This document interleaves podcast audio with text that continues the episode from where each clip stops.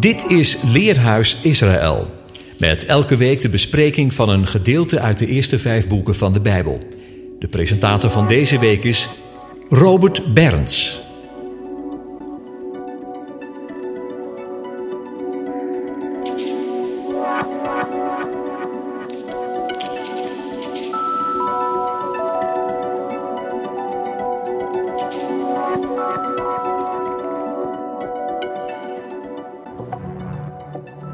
Shabbat, shalom luisteraar. We spreken vandaag gedeelte van Parasha Vayera, Genesis hoofdstuk 18 tot met 22 en 2 Koningen hoofdstuk 4. De parallellen in deze schriftgedeelte zijn vanuit 2 Koningen 4 gezien overduidelijk, maar in Genesis 18 tot 22 is meer te ontdekken. Een terugkerend thema in Genesis 18 is, tot en met 22 is het woord Vayera, en hij verscheen. De titel van deze parasha komt van het werkwoord ra'a, zien, dat hier dertien keer gebruikt wordt en in 2 Koningen 4 vers 25 eenmaal. In de vorige parasha noemt Hagar Yahweh de God die naar haar omziet, ra'a. Genesis 16 vers 13. Toen noemde Hagar de naam des Heren die tot haar gesproken had, Gij zijt een God des aanziens, want, zeide zij, heb ik hier ook omgezien naar hem die naar mij ziet? Daarom noemt men die put de put Lagai Roi. Hagar benadrukt hiermee dat zij door Yahweh gekend is en hij met welbehagen naar haar omziet, al heeft zij zich onder Sarah's hand te verootmoedigen. Op deze plek zal Isaac jaren later gaan wonen en de paal waarop zijn hele tent rustte daar grondvesten. Een betekenis van Lagai is paal. Isaac koos als het ware om op die plek te zijn waar de ogen van de Heere op hem was en hij Gods belofte aan hem en zijn vader Abraham voortdurend voor ogen kon houden. De Heere zelf zal in een lam ten brandoffer voorzien. Ra'a, Genesis 22 vers 14. De Heere zal erin voorzien. Waarom nog heden gezegd wordt, op de berg des Heere zal erin voorzien worden. Maar terug naar de eerste zinnen van Genesis 18. En de Heere verscheen, Ra'a, aan hem bij de terebinte van Mamre, terwijl hij op het heetst van de dag in de ingang van de tent zat, en hij sloeg zijn ogen op en zag. Ra'a en zie, Hine, drie mannen stonden bij hem. Toen hij hen zag, liep hij hen uit de ingang van zijn tent tegemoet, en boog zich ter aarde, en hij zeide, Mijn Heer, indien ik uw genegenheid gewonnen heb, ga dan niet aan uw knecht voorbij. Laat toch een weinig water gehaald worden, en wast uw voeten, en vlijt u neder onder de boom, dan wil ik een beter broods gaan halen, opdat gij uw hart versterkt. Daarna kunt gij verder trekken. Daartoe zijt gij immers langs uw knecht getrokken. En zij zeiden, doe zoals gij gesproken hebt. Het was meer dan de Oosterse gastvrijheid die Abraham op het heetst van de dag deed opstaan uit de tent, ingang van zijn tent. De Heer verschijnt aan Abraham, dat wil zeggen, hij maakte zich op een zodanige wijze bekend dat Abraham onder de drie mannen zijn Heer onderscheidt.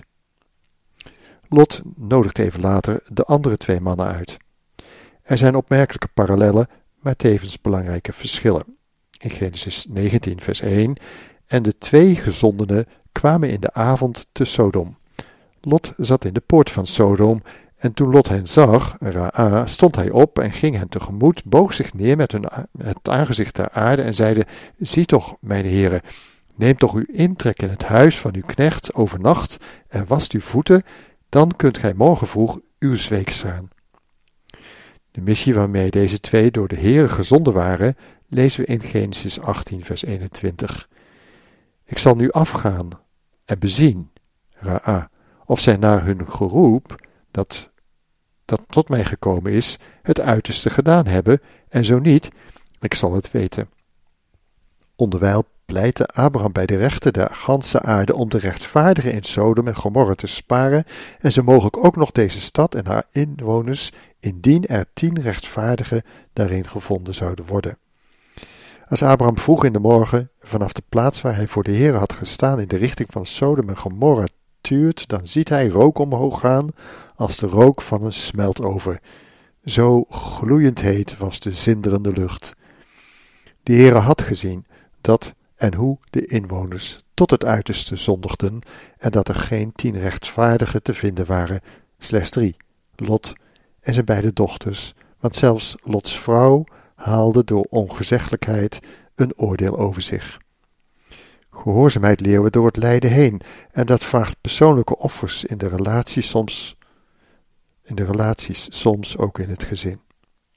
Daarbij zien we niet altijd waarom scheiding noodzakelijk is of waartoe dat moet leiden, maar hij die de schuilhoeken van de harten ziet en de tijden overziet, weet op wonderlijke wijze te voorzien en met een ieder tot zijn doel te komen. In het gezin van Abraham was dat niet anders. Genesis 21, vers 9 verhaalt: Toen zag Sarah dat de zoon van Hagar, de Egyptische, die zij Abraham gebaard had, spotte. En zij zeide tot Abraham: Jaag die slavin met haar zoon weg, want de zoon van deze slavin zal niet erven met mijn zoon, met Isaac. Dit nu mishaagde Abraham zeer, ter wille van zijn zoon.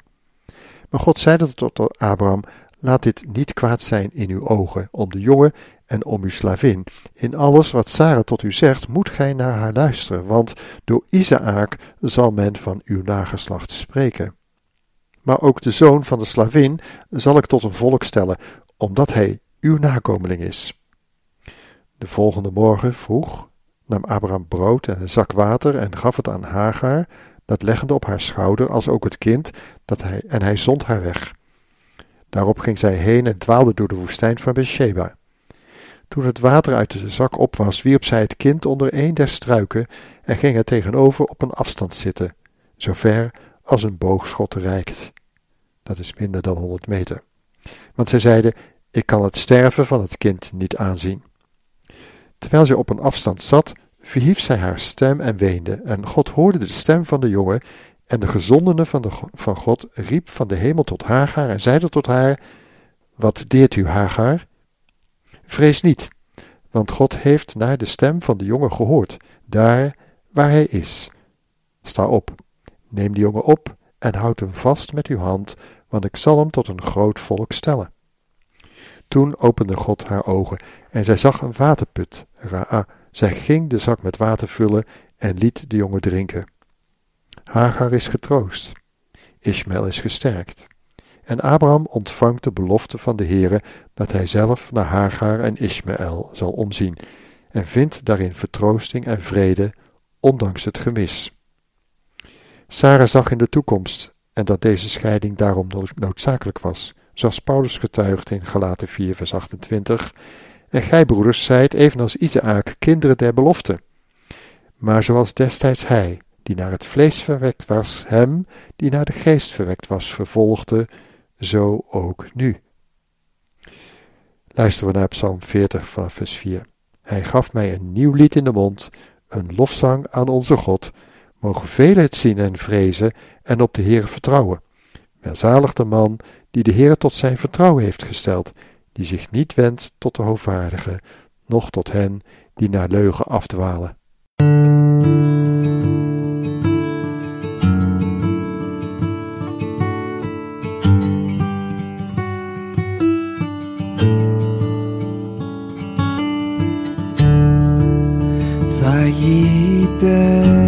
בפי שיר חדש תהילה לאלוהינו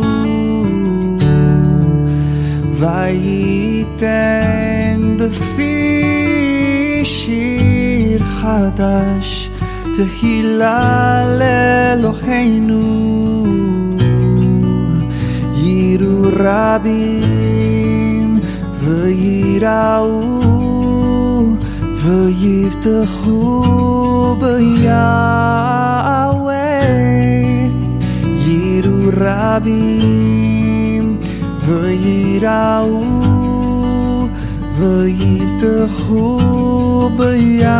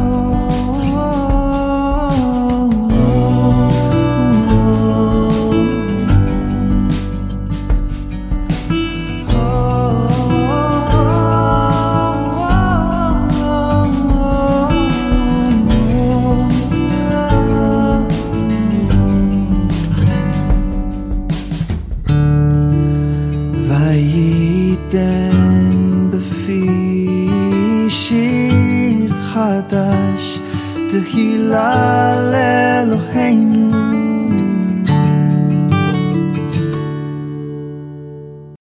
Wat hebben de tekstgedeelten van de parasha en de haftara nog meer met elkaar gemeen? De kern is dat de Heere, de kenner van alle harten, niet voorbij gaat aan het dienen van en de liefde tot Hem en de naaste. Hij is een beloner voor wie Hem blijven volgen, zelfs in tijden van verachting en verdrukking. Zo lezen we in Openbaring 14, vers 12: Hier blijkt de volharding van de heiligen, die de geboden Gods en het geloof in Yeshua bewaren. En ik hoorde een stem uit de hemel zeggen: Schrijf, zalig de doden die in de Heere sterven van nu aan. Ja, zegt de geest, dat zij rusten van hun moeite, want hun werken volgen hen na. 2 Korinthe 4, 2 Koningen 4 geeft twee concrete voorbeelden. Vanaf vers 1 een van de vrouwen van de profeten riep tot Elisa om hulp en zeide: Uw knecht, mijn man, is gestorven, en gij weet zelf dat uw knecht de Heere vreesde. En nu is de schuldeiser gekomen om mijn beide kinderen als slaven voor zich weg te halen. En Elisa vroeg haar: Wat kan ik voor u doen? Vervolgens lezen we hoe de man Gods haar aanreikt op welke wijze de Heere, de rechter der weduwe, Psalm 68, vers 5, haar tot een helper wil zijn en zal voorzien in haar levensonderhoud. Vanaf 2 Koningen 4, vers 8 krijgen we een tweede voorbeeld.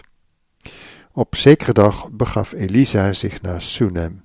Daar woonde een welgestelde vrouw die bij hem aandrong dat hij zou blijven eten, en zo vaak hij op zijn doorreis daar kwam, ging hij er een heen om te eten. En zij zeide tot haar man: Zie toch, ik weet dat het een heilige man Gods is die altijd bij ons aankomt. Laat ons dan nu een kleine gemetselde bovenkamer maken en daar voor hem een bed, een tafel, een stoel en een kandelaar plaatsen, opdat hij, wanneer hij bij ons komt, daarin zijn intrek kan nemen. Daarop zoekt Elisa naar Gods wil hoe haar goed te kunnen doen. Vanaf vers 13. En hij zeide tot Gehazi, zeg tot haar, zie, gij hebt u voor ons al deze moeite getroost, wat kan er nu voor u gedaan worden? Is er iets waarover ik voor u tot de koning of tot de legeroverste kan spreken? Maar zij antwoordde, ik woon te midden van mijn familie. En Elisa zeide, maar wat kan er dan voor haar gedaan worden? Gehazi zeide, zij heeft helaas geen zoon. En haar man is oud. Daarop zei hij, roep haar. En hij riep haar en zij kwam in de ingang staan. Toen zeide hij, op dezezelfde Moed, feestdag, over een jaar, zult gij een zoon omhelzen. Maar zij zeide, och nee, mijnheer, gij man gods, spiegel uw dienstmaagd niets voor. En de vrouw werd zwanger en baarde een zoon op dezelfde feesttijd, een jaar later, zoals Elisa tot haar gesproken had. Als de jongen opgroeit, komt er een moment dat hij in het veld werkt en een zonnesteek oploopt en overlijdt. Daarop wil de vrouw in allerijl met instemming van haar man naar Elisa gaan. Vers 23 En haar man vroeg, waarom wilt gij vandaag naar hem toe gaan? Het is immers geen nieuwe maan of sabbat. Maar zij antwoordde, wees maar gerust. Toen zij de ezelin gezadeld had, zeide zij tot haar knecht: Drijf ze steeds aan en laat mij zonder ophouden doorrijden, behalve wanneer ik het u zeg. Zo ging zij op weg en kwam bij de man Gods op de berg Karmel. Zodra de man Gods haar op enige afstand tegenover zich zag, Ra'a, zeide hij tot zijn knecht Gehazi: Voorwaar, daar is de Soedamitische. Het vertrouwen van deze vrouw op de Schepper die het leven geeft en zal geven, is zodanig dat zij niet rust voordat de heilige man Gods met haar meekomt. Haar zoon wordt haar op het gebed van de man Gods uit de dood teruggegeven. De draad van haar levensverhaal wordt in 2 Koningen 8 vers 1 weer opgepakt. Want Elisa had gesproken tot de vrouw wier zoon hij weer levend gemaakt had. Maak u gereed en ga heen, gij met uw gezin, en vertoef in de vreemde, waar gij maar kunt, want de Heere heeft een hongersnood opgeroepen. De Heere bewerkt dat dus ook. En deze is inderdaad over het land gekomen, zeven jaar lang. Toen maakte de vrouw zich gereed en deed naar het woord van de man Gods. Zij ging heen, zij met haar gezin en vertoefde als vreemdeling in het land der Filistijnen, zeven jaren lang. Aan het einde van die zeven jaren keerde de vrouw terug uit het land der Filistijn en ging de hulp van de koning inroepen met het oog op haar huis en haar akker. De koning was juist in gesprek met Gehazi, de knecht van de man Gods, en had gezegd: Vertel mij toch al de grote daden die Elisa verricht heeft. Terwijl hij bezig was de koning te vertellen dat deze een dode levend had gemaakt, riep daar juist de vrouw, wier zoon hij levend had gemaakt, de hulp in van de koning met het oog op haar huis en haar akker. Toen zei de Gegazi, mijn heer de koning, dit is de vrouw en dit is haar zoon, die Elisa levend gemaakt heeft. De koning ondervroeg daarop de vrouw en zij vertelde het hem. Toen gaf de koning haar een hoveling mee en zeide: Zorg dat al wat haar toebehoort teruggegeven wordt, benevens de gehele opbrengst van de akker, sedert de dag waarop zij het land verliet tot nu toe. Uit het verslag van deze gebeurtenissen blijkt dat deze vrouw leefde te midden van haar familie en geloofsgemeenschap. Zo ging zij op elke sabbat en bij elke nieuwe maan naar de heilige man Gods. Zij was tevreden met wat de Heer haar toedeelde en zette zich onbaatzuchtig in voor haar naaste en deed meer goed dan van haar verwacht mocht worden. Het gemis van een kind bepaalde niet haar geloofswandel. Zij sterkte zich in de Heere steeds als het erop aankwam. Haar hoop was zijn genade. We lezen, we horen uit Psalm 31, vers 23. Zijt sterk en hij zal u het hart versterken Allen die op de Heere hoopt en een gebroken en verslagen hart zult gij, o God, niet verachten. Psalm 51, vers 6.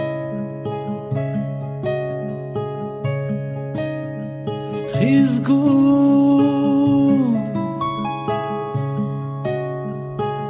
ויאמץ לבבכם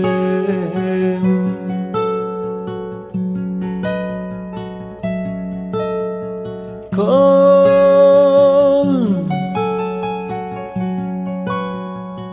המייחלים להשם. אוי אוי אוי לב נשבר ונדכה. אלוקים לא תבזה. אוי אוי אוי לב נשבר ונדכה. אלוקים לא תבזה.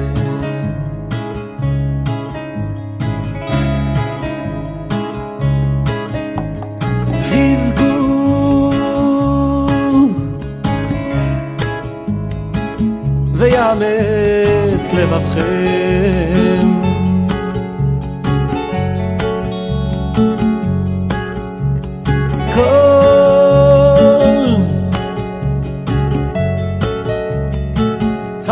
Salim hacer.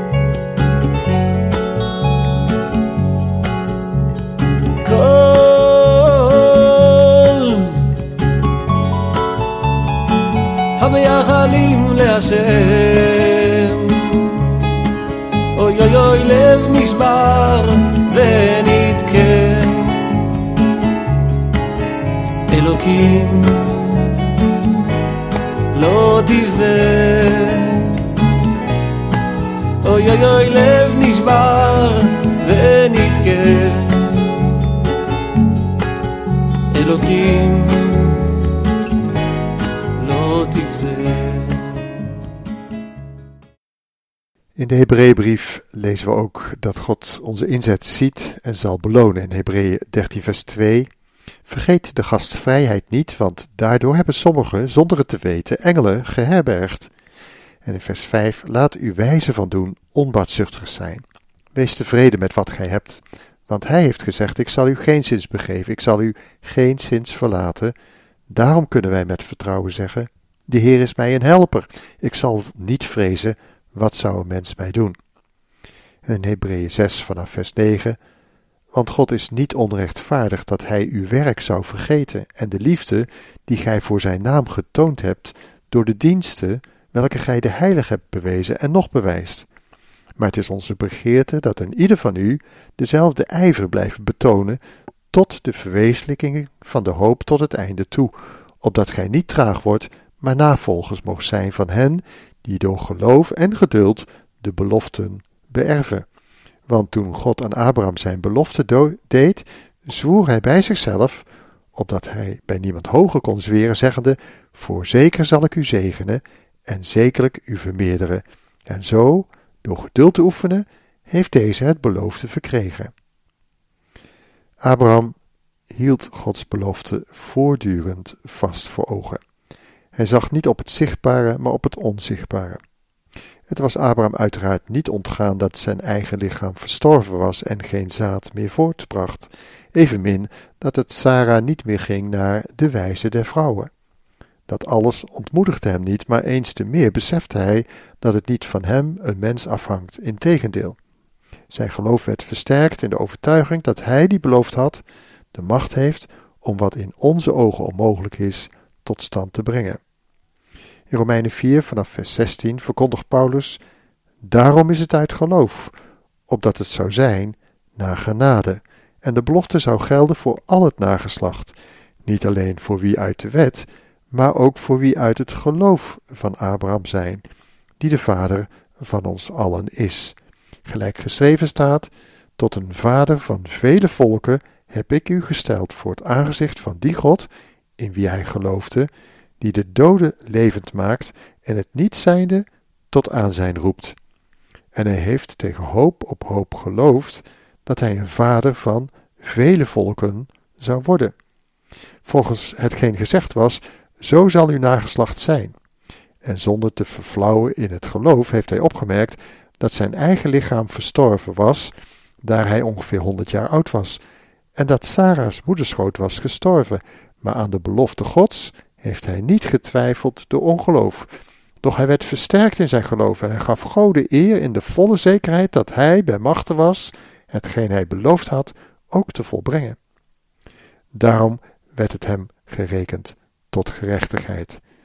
Echter niet alleen om zijn twil werd geschreven, het werd hem toegerekend, maar ook om onze twil, wie het zal worden toegerekend, ons, die ons geloof vestigen op hem, die Yeshua onze Heere uit de doden opgewekt heeft. Die is overgeleverd om onze overtreding en opgewekt om onze rechtvaardiging.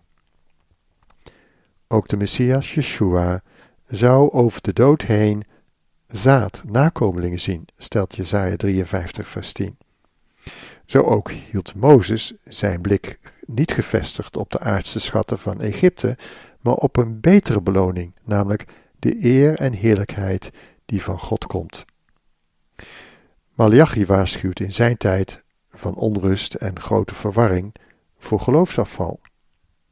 Volharden we als gelovigen in het vertrouwen op Gods belofte en de profetieën dat Hij, de rechter van de ganse aarde, alle volken zal richten en zonder aanzien van de persoon iedereen zal belonen naar de werken te beginnen bij zijn huis. Petrus meende overmoedig in eigen kracht te kunnen blijven staan, maar werd beproefd en leerde dat de Heere hem staande moest houden door de kracht van zijn geest. Als je mij echt lief hebt, hoed dan mijn lammeren, mijn volgelingen, die de dood onder ogen hebben te zien in vervolgingen. Onderkennen we de tijden en Gods handelen in onze tijd? Of raak je teleurgesteld omdat het profetische woord anders uitpakt dan dat je je had verwacht? Israël verwachtte vaker in overmoed de problemen zelf op te kunnen en moeten lossen, maar miskende dat de hand van de Heere ook zijn volk richtte, onder andere door droogte, honger, benauwdheden, oorlogen en rampen. In onze tijd is het besef dat onze hemelse Vader alle volkeren hierdoor tuchtigt en tot de orde roept ver te zoeken. En in de media vervangen we dat door eigentijdse verhalen en duidingen. Maar zij bestrijden de symptomen, maar hebben geen begrip van de echte oorzaken van moreel verval, wetteloosheid en geweld en dergelijke. De woorden van Malachi, hoofdstuk 3 vanaf vers 13, klinken daarom indringend. Vermetel, overmoedig zijn uw woorden over mij, zegt de Heere. En dan zegt gij, wat hebben wij dan onder elkander over u gesproken? Gij zegt, nutteloos is het God te dienen. Wat gewin geeft het dat wij zijn wacht waarnemen? Staat de vertaling. Het betreft hier de offerdienst en de gebedsdienst van de priesters. En de MBG vertaalt in bredere zin: heeft het nog zin dat wij zijn geboden onderhouden? En dat wij in rouw gaan voor het aangezicht van de Heere der Heerscharen. En nu, wij prijzen de overmoedigen gelukkig. Niet alleen worden zij gebouwd, terwijl zij goddeloosheid bedrijven, maar ook verzoeken zij God en ontkomen. Dan spreken zij die de Heere vrezen onder elkander, ieder tot zijn naaste. En de Heere bemerkte dat toch en hoorde het. Er werd een gedenkboek voor zijn aangezicht geschreven, ten goede van hen die de Heere vrezen en zijn naam in ere houden. Zij zullen mij ten eigendom zijn, zegt de Heere, de Heerscharen, op de dag die ik bereiden zal. En ik zal hen sparen zoals iemand zijn zoon spaart, die hem dient. Dan zult gij tot inkeer komen en het onderscheid zien tussen de rechtvaardige en de goddeloze, tussen wie God dient en wie hem niet dient. Paulus getuigt op enthousiaste wijze van de onbaatzuchtige levenswandel van hen die verdrukt werden, omdat hun geloof en verwachting niet op een mens, een wereldse wijsheden of de overheid was. In 1 Thessalonicense 1 vers 2 Wij danken God altijd om u allen, wanneer wij u gedenken bij onze gebeden onophoudelijk gedachtig aan het werk van uw geloof, de inspanning van uw liefde en de volharding van uw hoop op onze Heere Yeshua de Messias voor het oog van onze God en Vader. Paulus was door hem bemoedigd en was de Hemelse Vader en Yeshua dankbaar voor de dienst van al die gelovigen uit de volken en de dienst van zijn eigen volksgenoten. Psalm 102, vers 21 luidt: De Heere heeft uit de hemel op aarde geschouwd om het zuchten van de gevangenen, van de ballingen te horen om de ten dode gedoemde te bevrijden, opdat men de naam des Heren in Sion vertellen en zijn lof in Jeruzalem, wanneer de volken en de koninkrijken zich zullen verzamelen om de Heere te dienen. Deze psalm eindigt met deze belofte. De Heere zal hen aanzien en naar hun gebed horen. Luister u naar het begin van Psalm 102. Vanaf vers 1 een gebed van een ellendige wanneer hij bezwijkt en voor de Heere zijn klacht uitstort. Heere, hoort mijn gebed, laat mijn hulpgeroep tot u komen. Verberg uw aangezicht niet voor mij ten dagen dat het mij bang te moeden is. Neig uw oor tot mij ten dagen dat ik roep. Antwoord mij haastiglijk.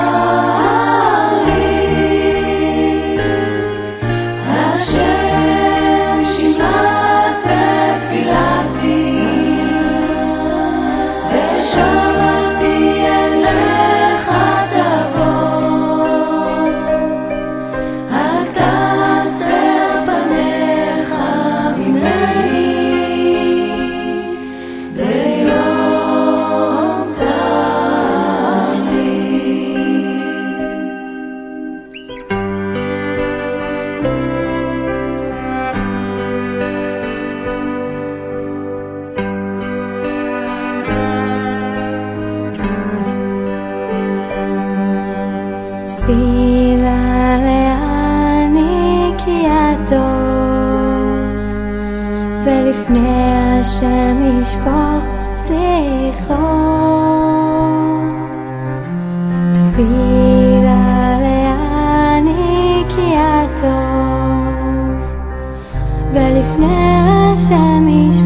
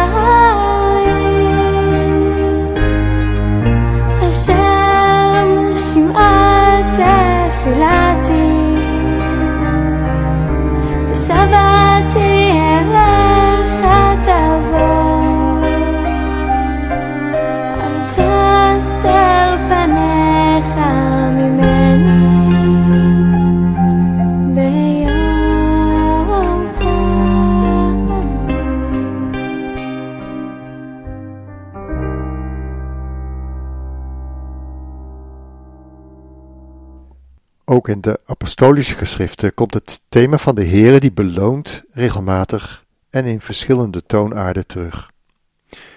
Het begon met de belofte aan Abraham in Genesis 15 vers 1. Hierna kwam het woord des Heeren tot Abraham in een gezicht. Vrees niet, Abraham, ik ben uw schild, ik ben uw loon zeer groot. Dat we zeggen nu en in de toekomst. Abraham volgde de Heere echter niet omwille van die beloning, maar uit liefde tot hem die riep, was hij dankbaar en stelde hij vertrouwen in de Schepper, die een woord spreekt en het niet zijnde tot stand brengt. In het gezaghebbende onderwijs van Yeshua heeft het loon evenzeer een duidelijke plaats gekregen. Laten we uit het evangelie enkele teksten lezen in hun onderlinge samenhang. In Matthäus 10 vanaf vers 38. Wie vader of moeder lief heeft boven mij, is mij niet waardig, en wie zoon of dochter lief heeft boven mij, is mij niet waardig, zegt Yeshua. En wie zijn kruis niet opneemt en achter mij gaat, is mij niet waardig. Wie zijn lief leven vindt, zal het verliezen. Maar wie zijn leven verliest om mijnentwil, zal het vinden. Wie u ontvangt, ontvangt mij. En wie mij ontvangt, ontvangt hem die mij gezonden heeft. Wie een profeet ontvangt als een profeet, zal het loon van een profeet ontvangen. En wie een rechtvaardige ontvangt als rechtvaardige, zal het loon van een rechtvaardige ontvangen. En wie een van deze kleine, omdat hij een discipel is, ook maar een beker koud water te drinken geeft, voorwaar, ik zeg u, zijn loon zal hem geen zins ontgaan. En in Lucas 14 vanaf vers 25, vele scharen reisden met hem mede.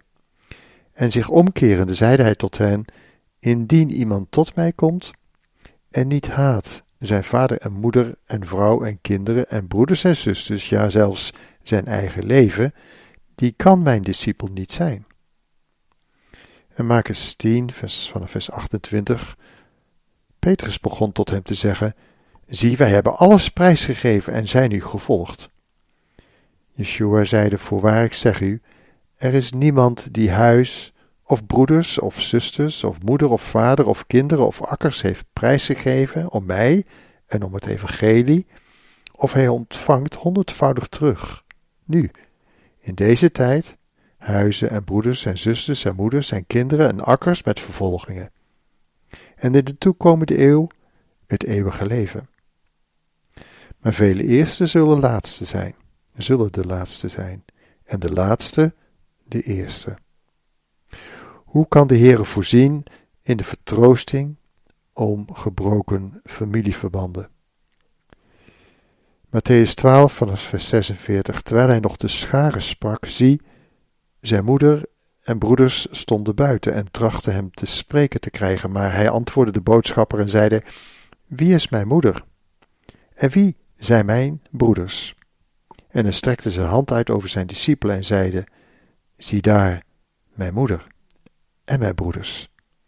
Want al wie de wil van mijn Vader die in de hemel is, doet, die is mijn broeder en zuster en moeder.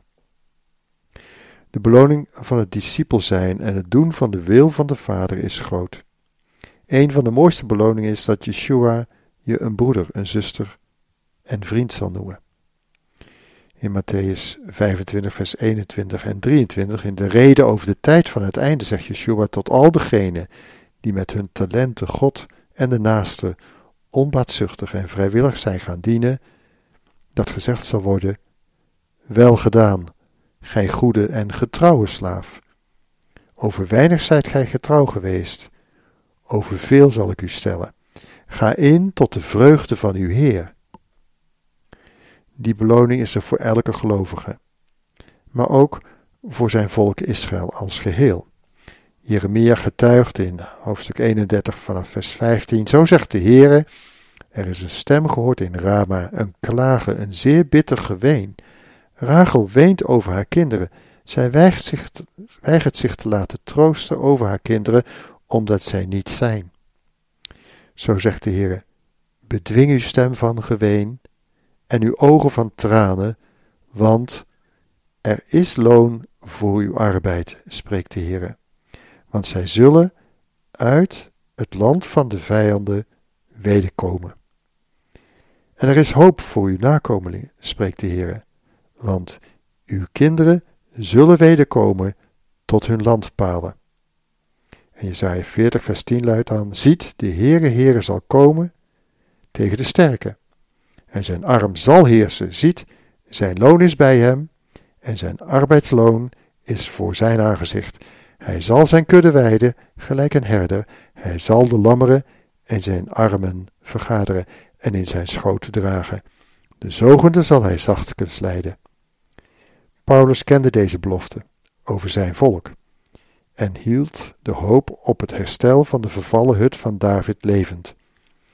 Daar bemoedigt hij ook de gemeente Gods mee, zoals we lezen in 1 Korinthe 15 vers 58. Daarom, mijn geliefde broeders, wees standvastig, onwankelbaar, te alle tijden overvloedig in het werk des Heren, wetende dat uw arbeid niet vergeefs is in de Heren. En met diezelfde woorden troostte de Heere Rachel, en ook nu een ieder die uit genade tot het Israël Gods behoort. Jeremia 31, vers 15. Want er zal loon zijn voor uw arbeid. Uw, kunde, uw kinderen zullen naar Eretz Israël terugkeren. Shabbat Shalom.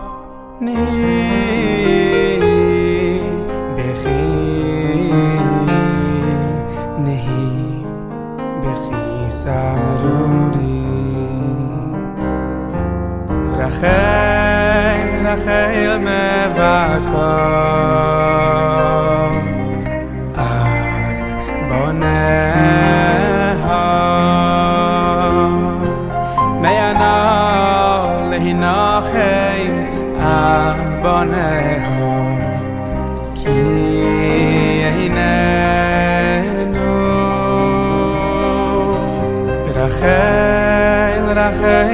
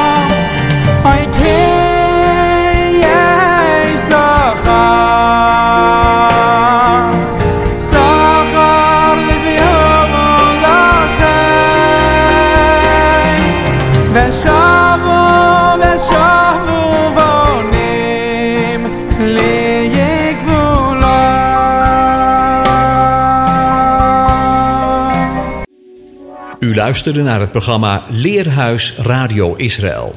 Een wekelijkse studie aan de hand van de Bijbelgedeelten die wekelijks door de Joodse gemeenschap worden gelezen. Heeft u een vraag of opmerking?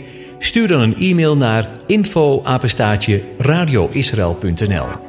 Het leesrooster vindt u op onze website. Ga naar radioisrael.nl en klik onder het kopje radio op programma's.